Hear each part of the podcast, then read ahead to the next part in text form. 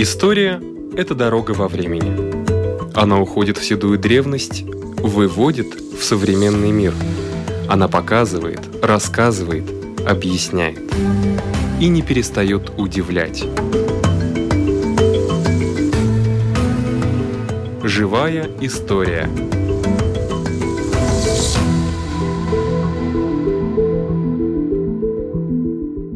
У микрофона Лидия Чера.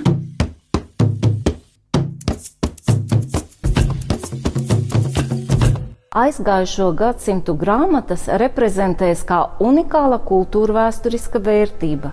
Rīgas vēstures muzeja grāmatu krājumā glabājas priekšmeti, kas iespiesti un iesieti Rīgā 17. gadsimtā.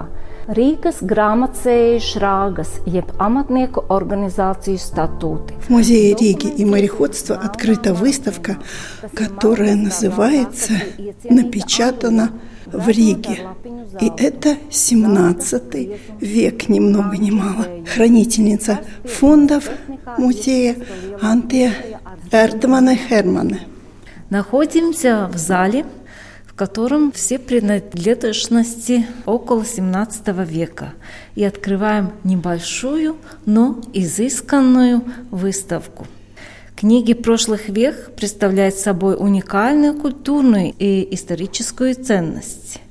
И в нашем музее есть небольшое книжное собрание, которые напечатаны и переплетены в Риге в XVII веке. Надо сказать, что традиция книгопечатания, если рассматривать ее в европейском контексте на территории Латвии, зародилась относительно поздно, хотя книги для нужд города Риги приобретались с 1470 года. Ну, здесь не так много книг, может быть, о каждой можно что-то сказать. Или вы хотите еще историю книгопечатания продолжить? Ну, конечно, не только книгопечатание, но если мы берем э, в руки книгу, мы сначала видим и переплет. И 17 век, конечно, интересны своим историческим переплетом. Потом мы видим печать, и только потом содержание – и потому выставка начинается, как бы мы взяли бы в руки книгу и начали о ней говорить с переплета. То, что мы видим, как она была. И интересно, что выставка у нас хранятся, и в выставке уставлены шраги рижских переплетчиков. Что такое шраги? Шраги – это документ, устав, и он был утвержден в Стокгольме 1630 года, 16 июля. Вот это, это устав это, эстовки да. профессии? Да, это мастеров. Мы видим, что книга, но это документ, переплетен в черный софьян, популярный в Англии, в то время украшенный золотом, золотое сечение, французский переплет, Выполнен в технике горячего пресса, печатается большое клише, как мы видим здесь с гербом короля Швеции и окружена мелкими узорами. В центре овала рельеф образован массой кожаной пыли. И переплет очень тонко внутри тетрадочки с очень тонкого пергамента. И там есть водяной знак в бумаге. Там видны ли, лилия и корона, да. Это шведские, да, знаки? Нет, водяные знаки в э, бумаге ручной работы говорят о том, откуда этот знак прибыла бумага. И откуда она прибыла, судя по короне и лилии? Это из Страсбура прибыла. Это водяной знак, вообще его называют филиграна. Это важнейший атрибуционный маркер манускриптов, писем, документов, рукописей и печатных книг. В Европе первые водяные знаки появляются на документах второй половины XIII века в Италии. И такой способ маркировки практиковался вплоть до XIX века. Но это кожа, я так понимаю. Да, это Вы кожа. Да. Э, слово. да, это слово обозначает, что это очень утонченная Кожа, приходит она с Марокко, козья абсолютно величайшее такое а, качество. качество. Тонкое. И переплет вы тоже как-то назвали интересно. Значит, эту кожу называют черный софьян и французский переплет. А что значит французский переплет? Вот здесь, например, виден какой-то переплет, но да. я не понимаю, это французский вот или мы, какой? Мы видим и с чем работали переплетчики, и есть разные техники переплета. На это французский переплет. Это, да. Мы здесь видим 17 века принадлежность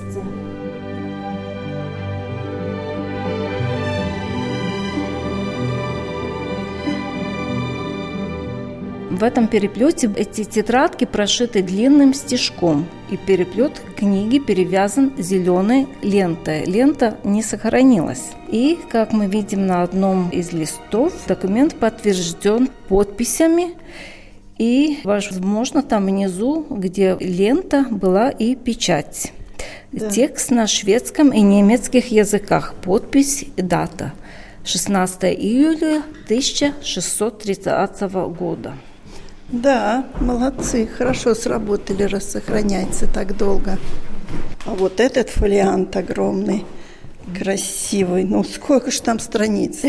Надо сказать, что это не фолиант, там внутри только муфлаж. А. Это обложка 17 века.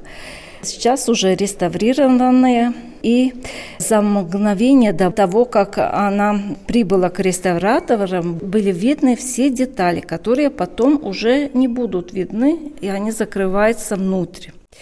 Деревянные чехлы, обтянутые телячьей кожей светлого дупления. Внутри корешка обложки проложены пергаментные ленты. Они были использованы повторно, поскольку предыдущий текст отображается на иврите. Вверху корешка выполнена декоративная лента из кожаного шнура. Вот если угу. так посмотреть, видно, да. кожа утонченная, переплеты украшенные латунными коваными застежками и квадратным углублением в центре переплета изображен мужчина-аристократ, окруженный разными арабесками и такими венками. Но остался переплет. А что внутри было? Текст какой э, был? Нет, неизвестно. Не, неизвестно. До нас Но... Ну, только обложка сохранилась. Ну, раз на иврите, значит, и от евреев пришла? Э, ну, нет, они просто использовали пергамент внутри, как переплетывает. Там э, есть такие технические детали. И вот интересно, что они этот пергамент из других книг использовали, которые были на иврите. То есть это использовано. И здесь тоже знак знак, печать стоит. Но водяной это... знак, да. этот водяной знак к нам приходит вот из этого титульного листа. Это титульный лист, напечатанный в 1625 году типографом Моллином, Николасом Моллином, и это последняя его печатная работа. Этот титульный лист от сборника проповеди рижского пастора Херманиса Самсона, который был напечатан в трех томах «Химны Шишаткемер» или «Небесное сокровище».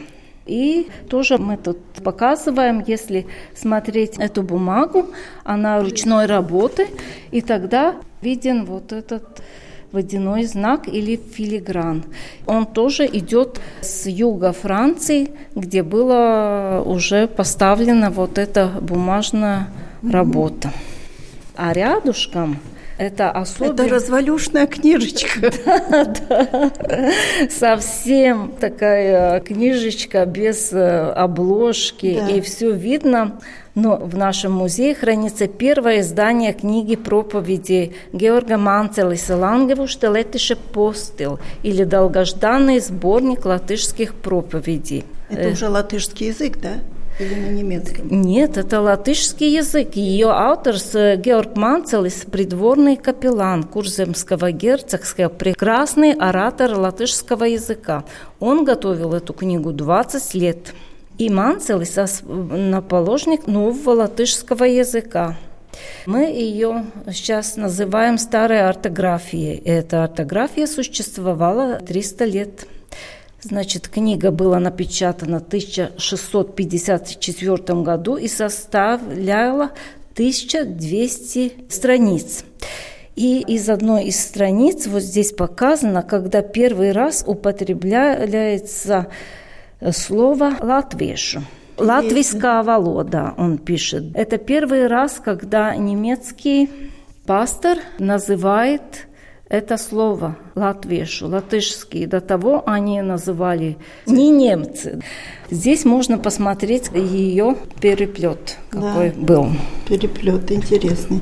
Каждая страничка вначале печаталась странички, а потом уже занимались переводом. Но здесь уже таких вот нет, этих больших дырок, как в том первом издании. Мне кажется, немножко более тонкая работа уже. Э, ну, здесь квартового формата она сделана. И здесь частично сохранился. И в классическом переплете обнажен корешок, который был склеен костяным клеем. Тогда химии не было, все было натуральное. Все было натуральное, да. Конечно, вот эти из льна нитки, эти тонкие, они обрабатывались воском, а вот эти такие веревочки были для спинки бумаги, чтобы там был красивый рельеф.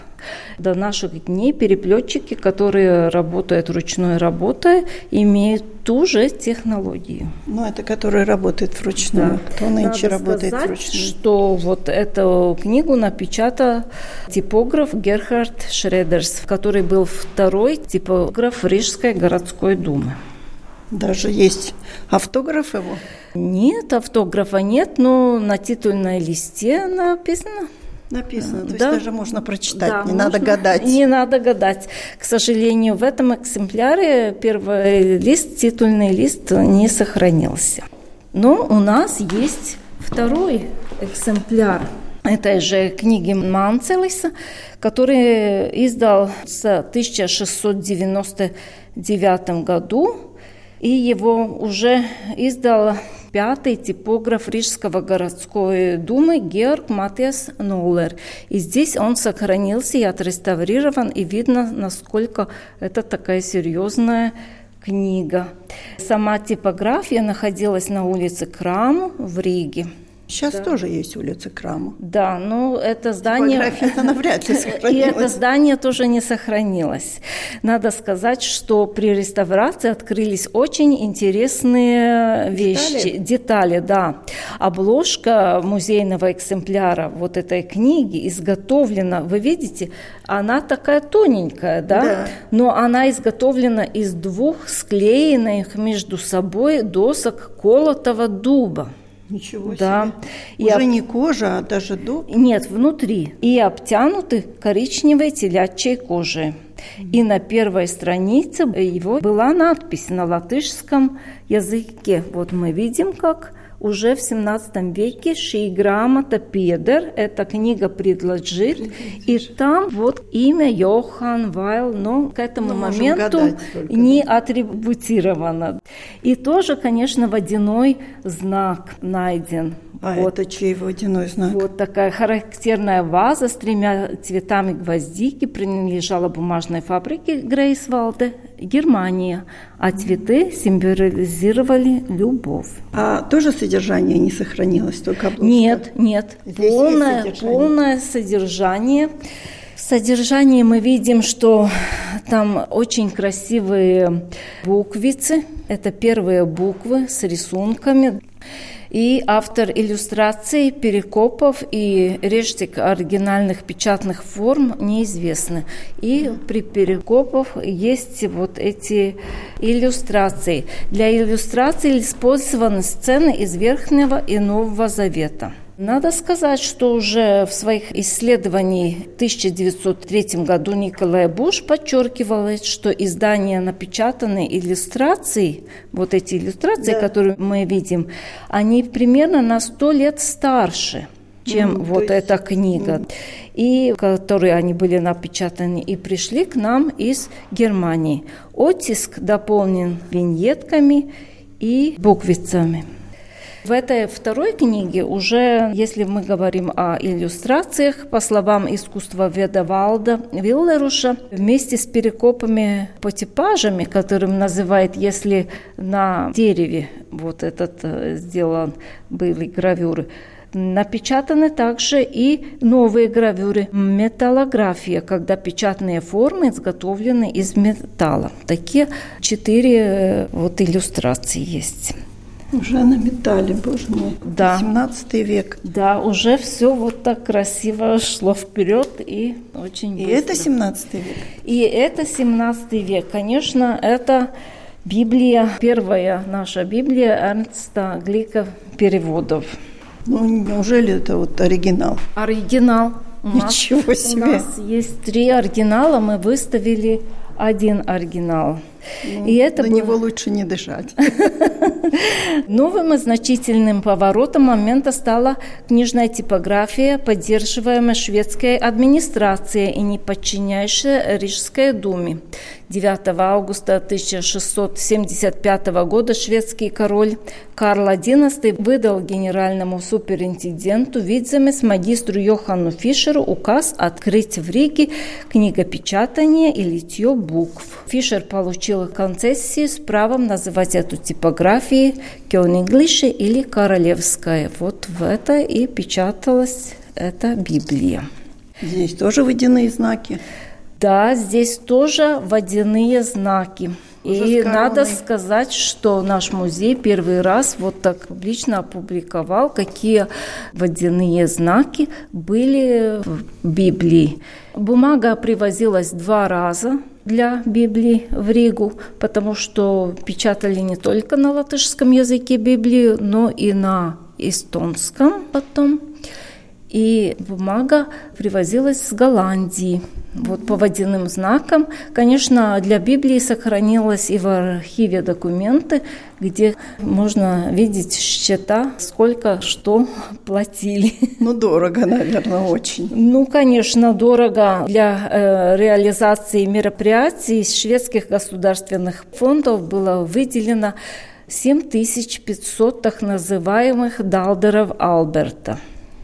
И техническим руководителем этой типографии был приглашен из Кёльна Йохан Георг Вилкен.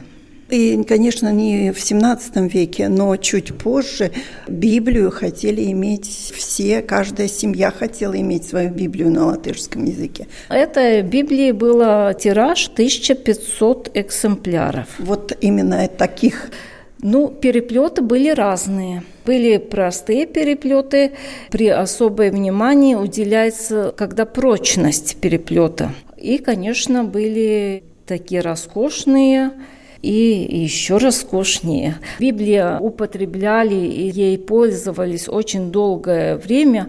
Один лист э, с датой 1859 году, когда в волости человек пишет э, еще в Библиях, белых листах, пишет уже спустя столько лет.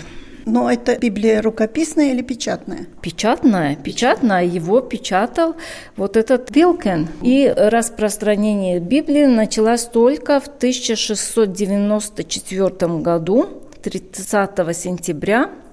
Хотя, если мы откроем Библию, мы видим, что на титульном листе первого издания Библии указан год издания 1689. Не было еще бумаги, не были готовы апокрифы. Апокрифы – это как бы разъяснительная часть Библии. Ее закончили зимой 1692 года. И только по указу можно было начинать распространять Библию. Но все равно в 17 веке. Никак иначе не скажешь. Ну да, так было. Хочу... Святая книга. Да, святая книга. Надо сказать, что вот этим переводом конечно, с разными заметками, улучшениями, ей пользовались этой Библией до 2012 года, когда только Юрис Цалитис 10 лет он с группой переводил опять сначала с первых книг еще раз Библию на латышский язык. Это по таким экземплярам или по... Нет, Юрис Цалитис уже брал оригиналы греческие или еще. А, то есть да. делал поправки. Нет, он не делал поправки, а переводил заново. Так что этой Библией мы пользовались с поправками до 2012 года. Уникально. А я думала, что она уже давно стоит закрыта-закрыта, и кто, никто ее не трогает. Нет, все читали вот это. Если да. кто-то думает, почему там тексты вот такие непонятные, потому что Эрнст Глик ее 300 лет назад переводил, ну, а да. потом только улучшали, а перевод оставался... Ну, конечно, Эрнст Глик не один, он с группой переводил. В истории остался Эрнст Глюк. Да, конечно, его имя осталось. Хотя бы в отчете, когда Фишер Карлу делал отчет, он не упомянул Глика. Это он написал, он написал сам только сам себя, себя. сам себя. А. И еще небольшая книга, но очень интересная. Это э, Рижский аптечный каталог. каталог, да, 1685 года. И это единственный полный экземпляр в Латвии в нашем музее.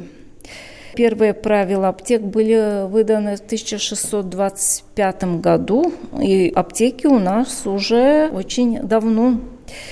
Музейный экземпляр отреставрирован, и красивые чистые страницы. А что значит каталог аптечный? Это адреса аптек или то, что в аптеках можно купить? Я, как современный человек, думаю, это позвони 118, и ты узнаешь, что в каждой аптеке есть, где твое лекарство. А эти, вот содержание его каково?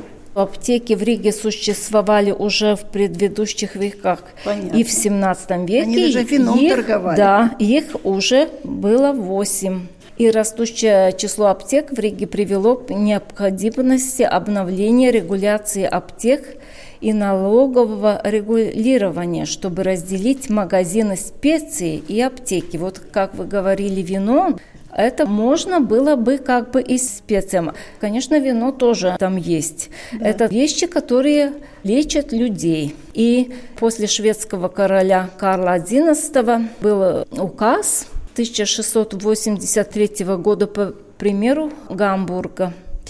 И там было это положение, и это было напечатано. В этом печати приказ провизора начинается с более подробного вступления, где в общих чертах объясняется необходимость значения этого документа и порядок налогообложения, таксов, что средства правовой защиты расположены в алфавитном порядке на латинском языке название лекарственных веществ, которые здесь есть три тысячи. И потом следует немецкое название, единица веса и цена в марках и фенинях. То есть во всех аптеках была единая цена, тогда я так понимаю? Да, в этих восемь единая цена. Этим поставлением в Риге официально было введено Нюрнбергская система медицинских весов – что она была такая, как везде. Стандарт. Стандартная. Ну, конечно, этот каталог можно читать очень интересно. Там есть жира из змеи. Конечно, он дороже жира человека. Там есть мумия заграничная. Мумия или мумиё? Нет, мумия – это мумия? человеческий, да, а, да, да. А что, она тоже чем-то служила? Служила от расстройства. Там очень… Не стала бы глотать. Очень много таких э, своеобразных. своеобразных, например, жареные э, лягушки, ну, конечно, и всякие сладости, орехи, Э, тоже считались лекарствами? Да, тоже и в сахаре, и в разные, тоже лекарства. Конечно, интересно, что и золото, и разные Да, и ртуть камни, тогда тоже да, глотали. Да, да, абсолютно разные вещи, которые считаются лекарствами. Считались когда-то, да, сейчас, да. может быть, считаются сильно. Ну, золото и сейчас употребляют, да. но я бы сказала, что... тоже. Да, что по этому каталогу, когда мы смотрим, да. тогда мастерство фармацевта, ему надо было быть очень ученым и знатным, потому что это из простого чая до абсолютно интересных и с ингредиентами интересными. Надо попробовать что-нибудь вылечить. Несколько рецептов дали бы, мы бы попробовали на себе сейчас. Вот. И, конечно, еще по окончанию такой небольшой как бы титульный лист – это 17 века из книжки рижского учителя для математики. Диалектика раньше. Сейчас это у нас геометрия есть, астрономия, да. музыка даже входит в, ну, математику. Да, да, это все как бы грамматика, книжка, книжка по математике. И риторика. Да. И внизу виден пейзаж, как да. рижская панорама. Ее можно, э, мы сейчас поставили всем посмотреть, потому что вот такую рижскую панораму редко можно видеть. Без мостов совсем. Э, да, и этот вот как бы рисунок тоже редко где да. популяризируется. Да. Ну, прямо на набережной, вон домов да. сколько. Да, и кораблик есть. Да. Но мы видим наш Домский собор, где мы сейчас стоим, он уже великолепен, как сейчас уже тогда.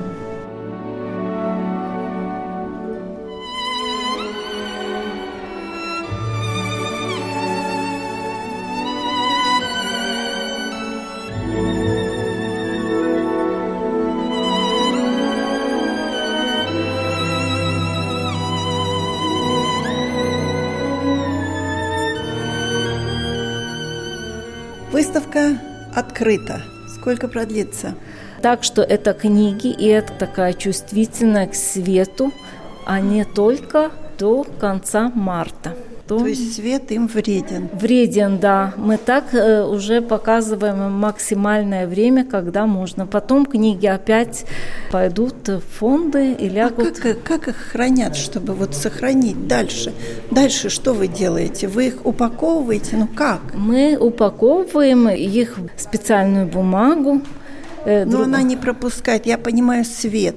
Ну а влажность как вот вы соблюдаете? Э, ну, влажность мы монитируем, смотрим, если влажнее, чтобы это все спокойно проходило. А надо сказать, что эти книги, бумага сделана с льна, и она не кислая. Сейчас в основном все бумаги, которые мы используем, если они не сертифицированы, они кислые. Не кислую бумагу по-новому, как делать, только в прошлом веке, в 70-х годах придумали.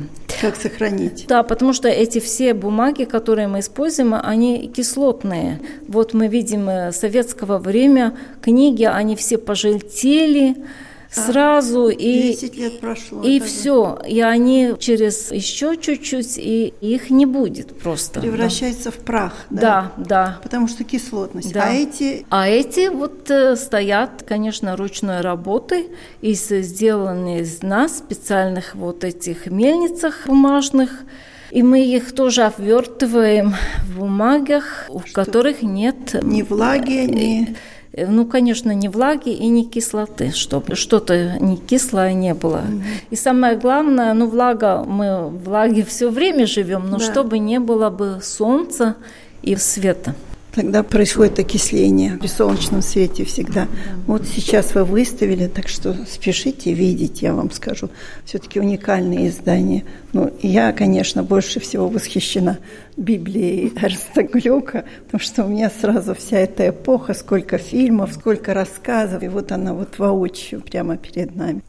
Да, Библия весит около 4 килограмм, ее я взвесила, и наш экземпляр тоже весит около 4 килограмм, и там около 3000 листов. То есть он не усох? содержится Нет. хорошо. И интересно, что переплетчики так хорошо работали, что все нитки вот эти восковые обработанные льна, они вообще идеальны. Хочу сказать, что вот если кто интересуется переплетом, может приходить и посмотреть вот этот второе издание Манцелиса. Переплетчик ее идеально сделал, несмотря что у нее 1200 страниц, она открывается и делает этот веер если наполовину. И спинка ложится вся прямо. прямо. Это говорит о том, что переплет сделан абсолютно идеально на 1200 страницах. Это вот это. Да, да а вот да. это уже нет, потому это, что здесь это, немножко выскакивает. Да, выскакивает. А там мастер был золотые, золотые руки. руки. Да, да, да. да. Когда никуда спешить не надо было, делали долго и на века. Э, знаете, а долго есть разные такие... Легенды? Э, не легенды, документы, как Рижская ратуша с переплетчиками или типографы писали жалобу, что они если за деньги очень быстро переплетывает, а если по договору, тогда это дело идет очень долго. И такие разногласия были, конечно, тогда популярны, потому что переплетчики считали себя важнее, а типографы себя важнее. Так что яичко и курица.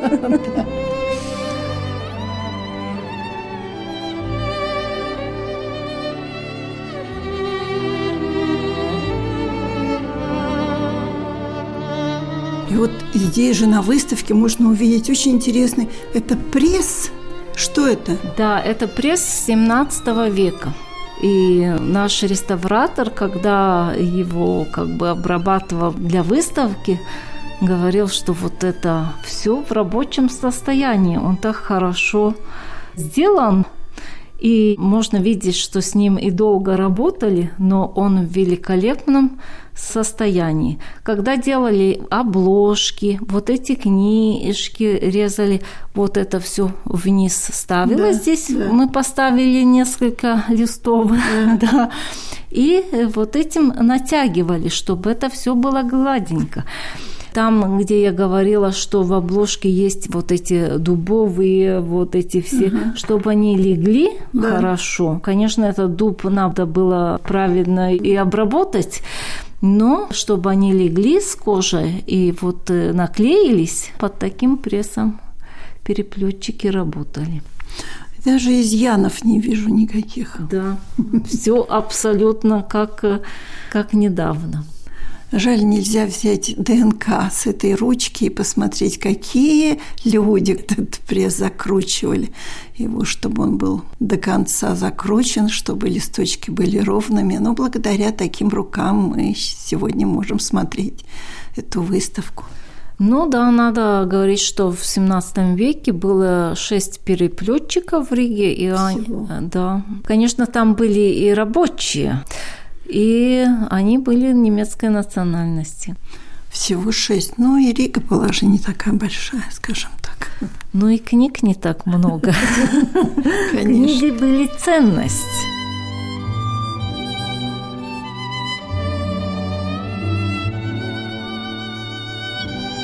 Ну так что все, небольшая экскурсия по этой тоже небольшой, но очень содержательной выставке у нас заканчивается, так как и время передачи. У нашего микрофона была хранительница фондов Антия Артмана Хермана.